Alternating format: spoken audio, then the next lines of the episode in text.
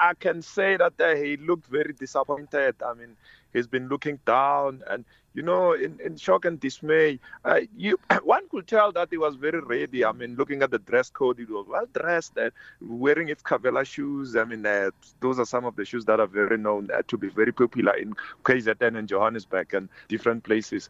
Uh, he was wearing a very dressed and smart uh, looking like someone who was very ready to to walk out of uh, custody. Uh, was there any address by his uh, legal representative to the media after the bail uh, the application was denied? Uh, not at all. I mean, the, the, the, the representation, what we say, they just uh, stepped out. But we managed to get a reaction from the NPA, who says uh, they are very, they, they really welcome. Uh, sorry about that. They really welcome the judgment, uh, saying that uh, they did uh, very well. I mean, the state has been opposing this bail. I mean, they, they believe that they presented themselves very well. As much as you heard now from the clip that the the, the, the judge uh, uh, was saying that uh, he failed to, to, to, to prove to them that it was in the interest of justice. And also there are issues around his address that he has given uh, while applying for bail.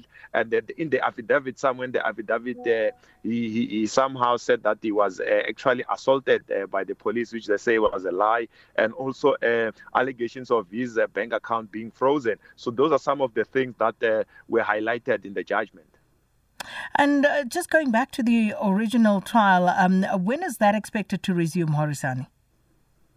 Uh, Sakina, it's it's something that uh, we, we, we, we, we I think I, I just don't have the date with me here right now. Something that I can just put it in. But uh, of late, we've heard about uh, the request for for those uh, judges. I mean, we talk about Judge Mamela to be removed from that. Uh, there are issues around that. So I, I, I'm hoping that uh, the story is going to unfold there going forward.